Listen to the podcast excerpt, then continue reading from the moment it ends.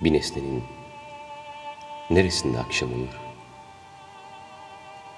Sivri bacaklı delikanlılar gülüşerek bara inerler. Yazın bitti rivayet edilir kasabada. Yani artık tamamen bitmiştir yaz. Tüketilmiş ya da yok sayılmıştır. Çığlık çığlığa koşarak bir iki at yürür denize.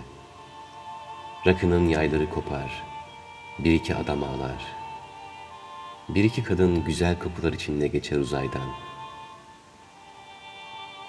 Senden hala haber yoktur. Bir nesnenin neresinde akşam olur? Sessizlik ne berbat bir yolculuktur.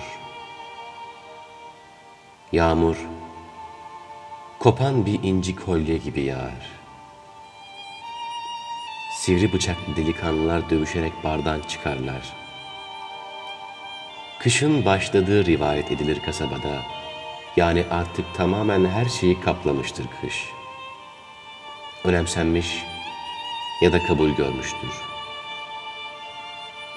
Çığlık çığlığa koşarak bir iki hatıra yürür akıllara. Rakının kadehi kırılır, bir iki kadın ağlar. Bir iki adamın tenha cenazesi geçer uzaktan. Senden hala bir haber yoktur. Sessizlik çok berbat bir yolculuktur. İnsan üzülmeye görsün. Hayat hep tutuktur. Kar ölümün üstünü bembeyaz bir örtüyle kaplar. Sivri bacaklı delikanlılar birbirine dargın ayrılmışlardır buralardan. Mevsimlerin aşka göre değiştiği rivayet edilir kasabada. Yani artık tamamen sevdayı ele geçirmiştir mevsimler. Özlemek, unutulmak ile hatırlanmak arasında bir ara istasyondur artık.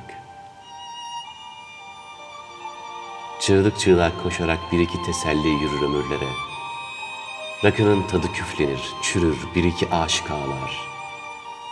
Bir iki yalnızın ismi okunur topraktan. Senden, senden hala bir haber yoktur. İnsan üzülmeye görsün. Ona hayat hep, hep suçluluktur.